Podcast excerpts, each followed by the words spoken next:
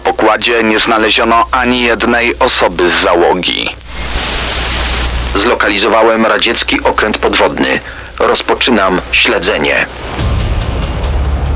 Płatni zabójcy, seryjni mordercy i sceny zbrodni w RMFFM. No już czujemy tę grozę Halloween i stawiamy na opowieści bardziej tajemnicze niż przerażające. Zagadkowy temat, okręt widmo, ale potraktujemy go tak dość ogólnie. Opowiemy m.in. o zaginionej brygantynie Mary Celeste. A także pojawi się historia zaginięcia podwodnego okrętu atomowego USS Scorpion, od której zaczynamy? No jednak niech będzie atomowo. To są sceny zbrodni w RMFFM i robi się mrocznie. Jest poniedziałek 27 maja 1968 roku. Zbliża się godzina 13 czasu lokalnego stanu Virginia w USA. Przy Molo 22, Port Norfolk, zebrała się spora grupka ludzi w sztormiakach, pod kapturami, z parasolkami. No po prostu wiosenna pogoda nad oceanem, czyli wieje i leje. Mimo takiej pogody zjawiły się tu jak zwykle przede wszystkim żony marynarzy z dziećmi, ale także rodzice marynarzy i ich przyjaciele. Wszyscy wiedzieli, że właśnie około 13 przy tym nabrzeżu cumować ma amerykański atomowy okręt podwodny USS Scorpion. Ma zakończyć kolejną trzymiesięczną misję patrolową na Morzu Śródziemnym. Część rodzin przyniosła ze sobą powitalne transparenty.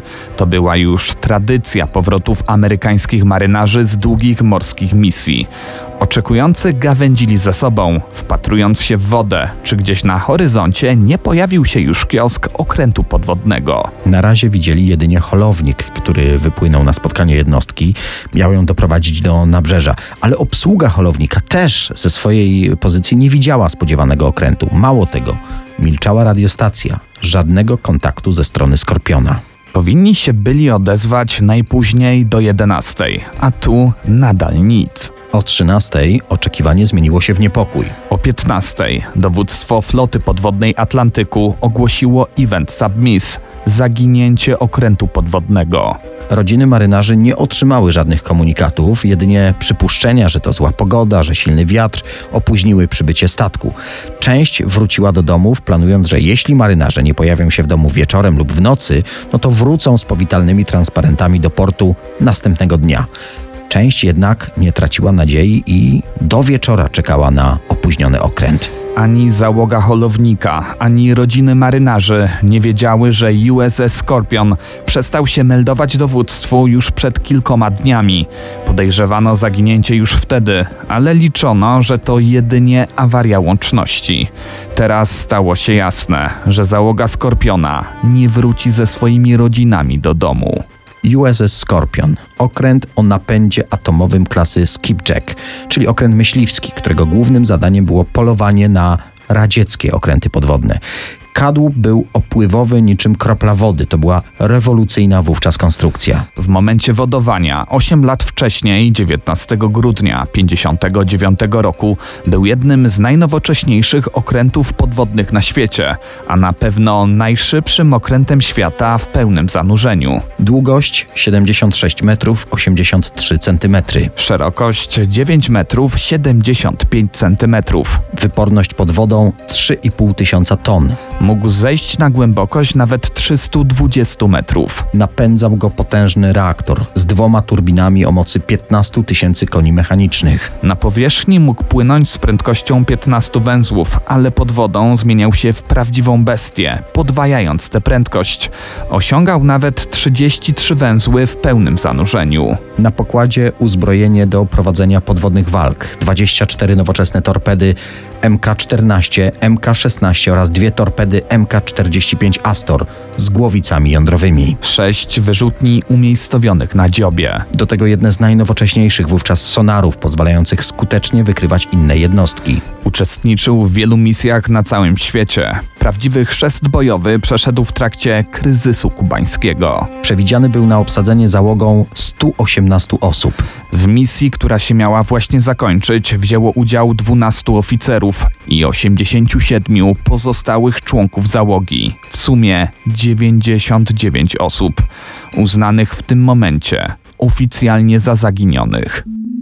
Patrzymy właśnie na czarno-białe zdjęcie okrętu podwodnego USS Scorpion. To jest ostatnia fotografia wykonana w Neapolu we Włoszech w kwietniu 1968 roku. Okręt spędza na Morzu Śródziemnym trzy miesiące w misjach patrolowych. 16 maja wypływa w rejs przez Atlantyk do USA. Po drodze zatrzymuje się na jeden dzień w Rocie, amerykańskiej bazie okrętów podwodnych na wybrzeżu Hiszpanii. Na ląd schodzi dwóch marynarzy. Jeden dostaje urlop z powodu ważnych spraw rodzinnych, drugi z powodu choroby. Wsiadają na pokład samolotu i docierają bezpiecznie do Stanów Zjednoczonych. Reszta załogi, 99 osób, o poranku 16 maja wychodzi z portu na Atlantyk. 11 dni później mają być w domu, ale 27 maja USS Scorpion nie pojawił się przy nabrzeżu Norfolk. Miał być około 13. O 14 ruszyła akcja poszukiwawcza. Z lotniska w okolicy portu wystartowały samoloty dalekiego zasięgu, które miały przeczesywać okolice wybrzeża, no i spodziewaną trasę Skorpiona. O 15 okręt uznano oficjalnie za zaginiony. Wieczorne wiadomości w radiu i telewizji podały informacje o zniknięciu jednostki. We wtorek poranne dzienniki w całych Stanach pisały o Skorpionie i jego załodze. Rozpoczęły się intensywne poszukiwania. Wzięło w nich udział 55 statków z tzw. Tak floty atlantyckiej. Wspomagało je 35 samolotów patrolowych. Jednak ocean nie chciał zdradzić tajemnicy okrętu. Dwa dni później, w środę wieczorem, kilka jednostek odebrało na swoich radiostacjach kod Skorpiona. Alfabetem Morsa wyraźnie zabrzmiało hasło Brandy Wine ale nie udało się zlokalizować, z którego dokładnie obszaru ten kod został nadany. Mimo wzmocnienia nasłuchów, Brandy Wine nie pojawiło się już ponownie. Po tygodniu większość jednostek odwołano albo do portów, albo do innych misji patrolowych. Na oceanie wciąż działało pięć niszczycieli, pięć łodzi podwodnych i jeden tankowiec. Podzielono je na dwie grupy poszukiwawcze, które miały za zadanie przeczesać obszar oceanu od portu Norfolk do ostatniej znanej pozycji Skorpiona w okolicach Azorów. I tu musimy wyjaśnić, co Skorpion robił na Azorach, skoro z Hiszpanii miał płynąć prosto do USA. 16 maja, tuż po wypłynięciu okrętu z bazy amerykańskiej w Rocie, zaszyfrowaną wiadomością przesłano załodze nowe rozkazy. Po drodze mieli odbyć jeszcze jeden patrol w rejonie manewrów, które rozpoczęła marynarka radziecka. To miał być kolejny sprawdzian możliwości Skorpiona. Miał się po prostu zbliżyć w rejon manewrów, w miarę możliwości wykryć ruchy obcych jednostek, no i meldować o przebiegu ćwiczeń floty ZSRR. Skorpion był wówczas dla Rosjan no niewykrywalny, a nawet jeśli, dobrze żeby wiedzieli, iż flota NATO po prostu czuwa. Dowódca USS Skorpion, komandor Francis Slatery, wtajemniczył oficerów szczegóły nowej misji. Po czterech dniach okręt dotarł na południe od Azorów. Sonary rozpoczęły intensywne namierzanie. W końcu udało się wykryć radziecki okręt podwodny klasy Echo 2. Marynarz w swoich słuchawkach rozpoznał charakterystyczny dźwięk jednostki, napędzanej dwoma reaktorami atomowymi. Głębokość 110 metrów. Skorpion ustalił kurs i ruszył za Iwanem, jak nazywano radzieckie łodzie podwodne. Tuż przed północą 21 maja 1968 roku dowództwo okrętów podwodnych w Norfolk odebrało zaszyfrowaną wiadomość o pozycji Skorpiona 50 mil morskich od Azorów i o wykryciu radzieckiej łodzi podwodnej. Zlokalizowałem radziecki okręt podwodny. Rozpoczynam śledzenie. A propos depesz, co dzień przychodziły meldunki typu Check 24, Submarine Scorpion, przewidywany powrót poniedziałek 27 maja. Ostatni taki meldunek był z 21 maja, z dnia, gdy okręt dotarł na Azory. Później totalna cisza. Był to niepokojący sygnał, ale to się zdarzało, że załogi zapomniały o meldunku albo nie dochodziły one z powodu zakłóceń czy awarii sprzętu.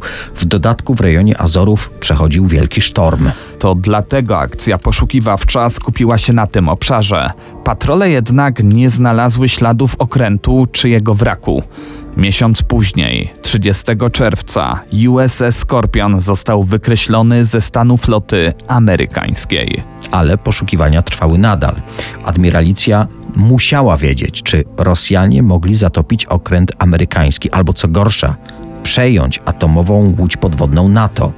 Dopiero Pięć miesięcy później, pod koniec października, statek badawczy marynarki wojennej Mizar zlokalizował na dnie fragment skorpiona. Jako, że posiadał odpowiednią aparaturę, wykonał zdjęcie dna morskiego 3 km poniżej. Widać było wyraźnie leżący na boku charakterystyczny kiosk łodzi podwodnej. Nie było wątpliwości, że jest to zaginiony amerykański okręt atomowy. Te zdjęcia poddano szczegółowej analizie, by wykryć ewentualną przyczynę zatonięcia. Oficjalny raport marynarki wojennej USA ukazał się 31 stycznia 1969 roku. Zdjęcia i zebrane dowody nie pozwoliły ustalić przyczyny. Kolejne analizy nie przyniosły rozstrzygnięć. Powstało kilka możliwych teorii na temat zatonięcia. Prześledźmy je pokrótce. Pierwsze oczywiste skojarzenie radziecka torpeda. W końcu trwały manewry floty ZSRR. Może Skorpion wykrył coś, co powinno pozostać tajemnicą. Może doszło do jakiegoś kontaktu. Napięcia w tamtym czasie były ogromne. Może ktoś wydał rozkaz o zatopieniu wroga. W to nie chciał wierzyć wywiad. Okręty podwodne klasy Skipjack były niewykrywalne dla ówczesnej armii radzieckiej.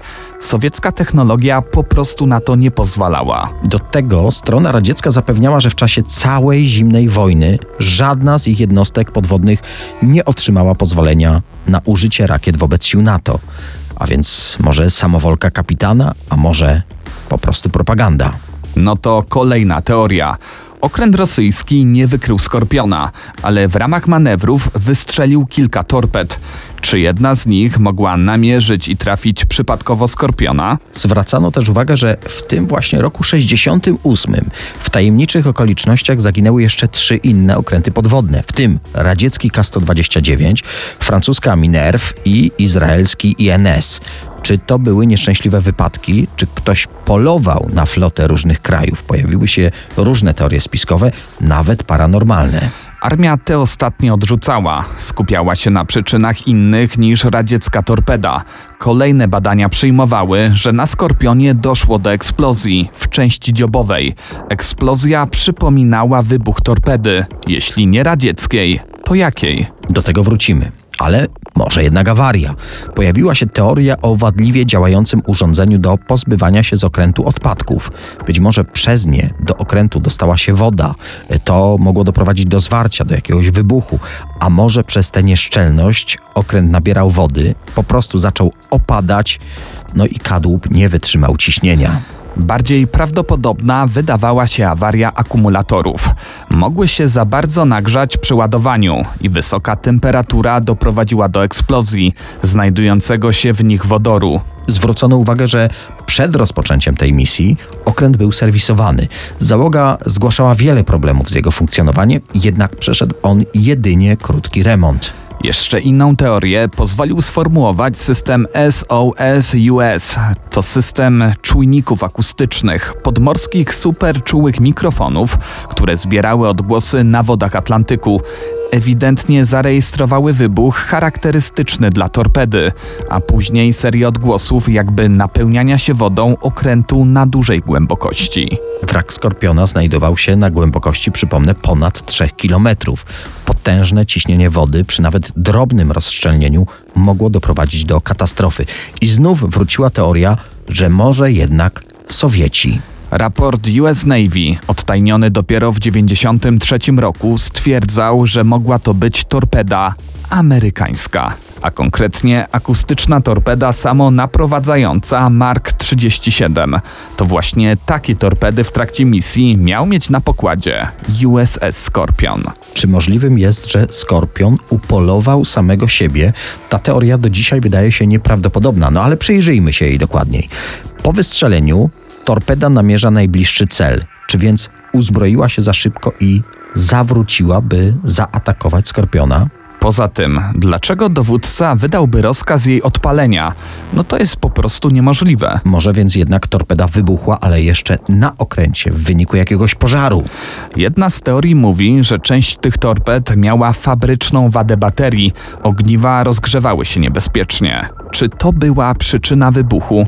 Z drugiej strony, te problemy były znane już wtedy. Nawet instrukcja zalecała w takiej sytuacji, by po wykryciu rozgrzewania się torpedy załadować ją do wyrzutni i po prostu wystrzelić do oceanu. Czy więc był to zbieg nieszczęśliwych okoliczności? Rozgrzana bateria torpedy, Rozkaz wystrzelenia, niewyjaśnione uzbrojenie się pocisku, wykrycie najbliższego okrętu, czyli skorpiona namierzenie tego celu. i w końcu detonacja.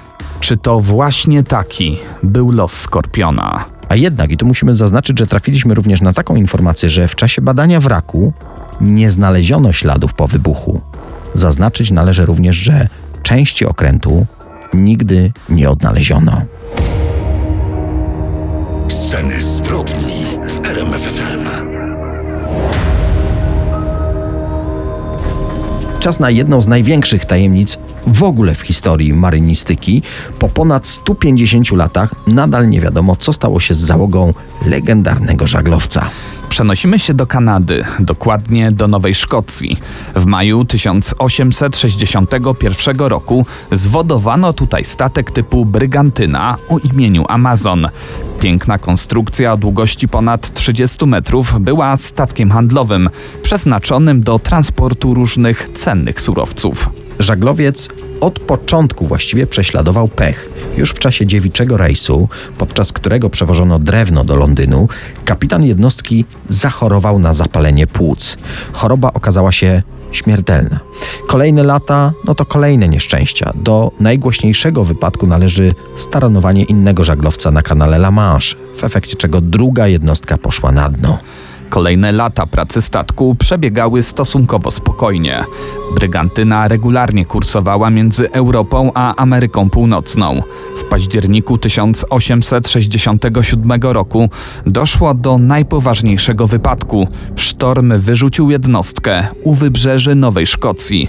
Załoga ewakuowała się, a mocno uszkodzony żaglowiec porzucono. Na statek szybko znaleźli się nowi chętni, jednostka przechodziła z rąk do rąk, no i w końcu po wielu kosztownych naprawach znów pływała po morzach i oceanach. Postanowiono jednak zmienić nazwę pechowego Amazona. Brygantynę w 1868 roku przechrzczono na Mary Celeste. Włoska błogosławiona, od której pochodzi imię statku, miała czuwać nad żaglowcem. W końcu jednostka trafiła w ręce nowojorskiego przedsiębiorstwa, gdzie uległa kolejnej modernizacji. Wtedy też współwłaścicielem i kapitanem Mary Celeste stał się Amerykanin Benjamin Briggs, doświadczony wilk morski o wielkiej renomie.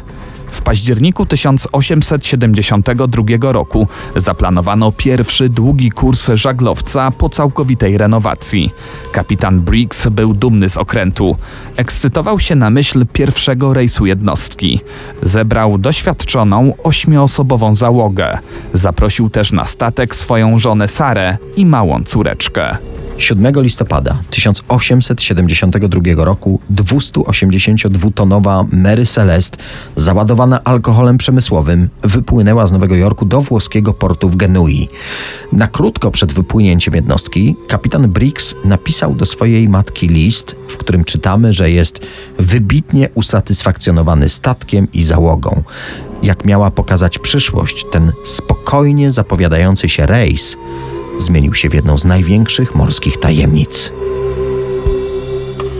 Przenosimy się do ranka 5 grudnia 1872 roku. Wtedy załoga statku Dei Gracja zauważyła dziwnie zachowujący się statek. Kapitan Morehouse dostrzegł, że statek dryfuje po bardzo niespokojnym morzu. Gdy podpłynęli bliżej tajemniczej jednostki, zauważył na rufie napis Mary Celeste. Żaglowiec od dawna powinien cumować w porcie w Genui. Tymczasem statek błąkał się kilkaset kilometrów od wybrzeży Portugalii. Morehouse wiedział o szczegółach rejsu Mary Celeste, bo natknął się na kapitana Briggsa w jednej z tawern.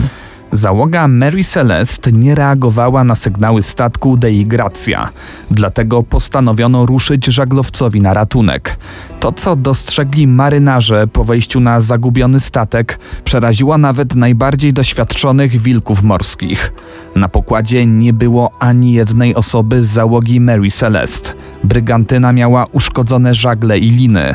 Na dolnym pokładzie znajdował się ponad metr wody, ale mimo tych uszczerbków statek mógł swobodnie płynąć. Bagaże załogi znajdowały się w kabinach na swoich miejscach.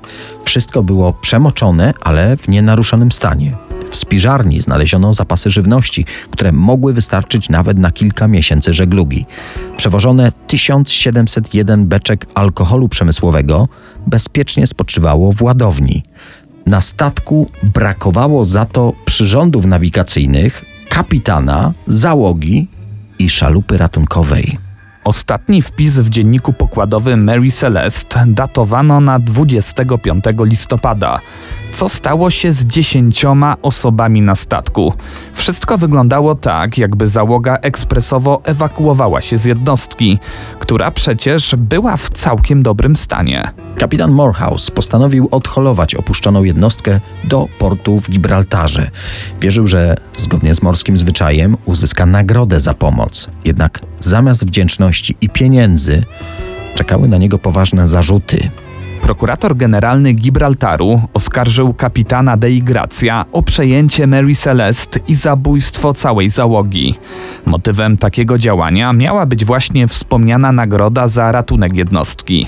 Kolejne podejrzenia spowodowane były faktem, że opuszczony żaglowiec był bardzo wysoko ubezpieczony. Stąd domysły prokuratora, że kapitan Briggs i kapitan Morehouse uczestniczyli w jakimś spisku, który miał na celu wyłudzenie ogromnego odszkodowania. Inna hipoteza prokuratora zakładała, że załoga Mary Celeste wypiła część alkoholu z przewożonych beczek i w szale zamordowała swojego kapitana oraz jego rodzinę. Ta wersja od początku nie miała wielkiego sensu, bo spożycie niewielkiej ilości wspomnianego alkoholu przemysłowego doprowadziłaby do śmierci całej załogi. Ostatecznie nie znaleziono jednak żadnych dowodów na potwierdzenie tych sensacyjnych teorii co stało się z dziesięcioma osobami na pokładzie tego żaglowca. Według jednej z teorii za tajemniczym zaginięciem stoi dwóch członków załogi tej jednostki, dokładnie niemieccy bracia Folkert i Boje Lorenzen. Śledczy badający brygantynę zauważyli, że w kabinie brakuje jedynie rzeczy tych dwóch braci.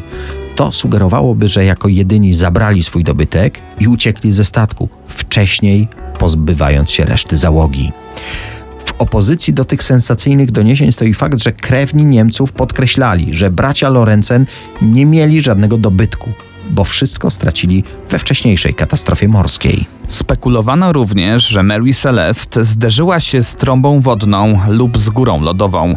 Wskazywano też na zjawiska paranormalne, na przykład wiszące nad żaglowcem Fatum. To tłumaczyłoby wcześniejsze wypadki jednostki.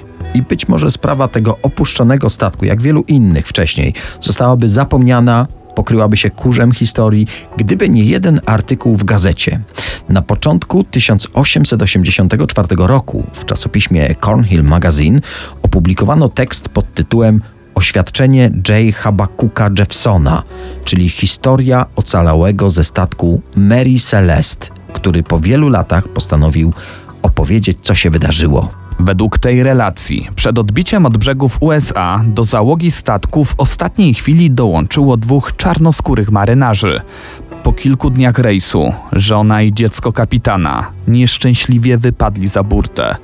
Dlatego zrozpaczony mąż i ojciec popełnił samobójstwo. Na statku doszło do buntu, w efekcie czego zginęła prawie cała załoga. Swoje życie ocalił tylko Jeffson za sprawą amuletu, który dostał kiedyś od szamanki. Brzmi to jak jakiś kryminał, prawda? Wszystko się zgadza, bo za tym anonimowym artykułem stał w rzeczywistości pisarz Sir Arthur Conan Doyle, twórca postaci Sherlocka Holmesa. Wzorował się on na tej prawdziwej historii, ale pozmieniał wiele faktów, m.in. nazwę łodzi trochę inaczej się pisało. W każdym razie ta fikcyjna opowieść została przez wiele osób traktowana jako stuprocentowa prawda, i wprowadziła no nie lada zamieszanie. Wróćmy do faktów. Podczas wyładowywania beczek z alkoholem z Mary Celeste zauważono, że dziewięć z nich jest pustych. Te konkretne pojemniki powstały z drewna czerwonego dębu, które jest porowate i podatne na przeciekanie. Wyciek alkoholu mógł doprowadzić do eksplozji i ekspresowej ewakuacji szalupą ratunkową. Łódka była przywiązana do żaglowca liną, która niestety została rozerwana. Dlatego szalupa samotnie dryfowała po morzu. Najprawdopodobniej załoga zginęła z głodu lub pragnienia, albo łódź rozbiła się o skały, czy też zatopiły ją morskie fale. Inna teoria wskazuje na to, że do ewakuacji statku doprowadziła uszkodzona pompa. Kapitan Briggs błędnie zinterpretował ilość wody w ładowni. Przekonany o tym, że statek zaraz pójdzie na dno, zarządził ewakuację. ale to tylko hipotezy, podkreślamy, mniej lub bardziej prawdopodobne. Losy załogi legendarnej Mary Celeste nadal pozostają nierozwikłaną tajemnicą. Na uwagę zasługuje dalsza historia przeklętego statku. Kolejny kapitan brygantyny zmarł. Żaglowiec przynosił tylko straty. Dlatego ubezpieczono jednostkę na zawrotne 30 tysięcy. To dzisiejsza równowartość miliona dolarów. Mary Celeste wypełniono złomem i celowo rozbito o rafy koralowe nieopodal Haiti. Statek jednak nie chciał pójść na dno i cały przekręt wyszedł na jaw. Przebiegły kapitan Parker, który chciał oszukać ubezpieczalnię. Wkrótce zmarł w skrajnej biedzie. Sceny zbrodni w RMFFM.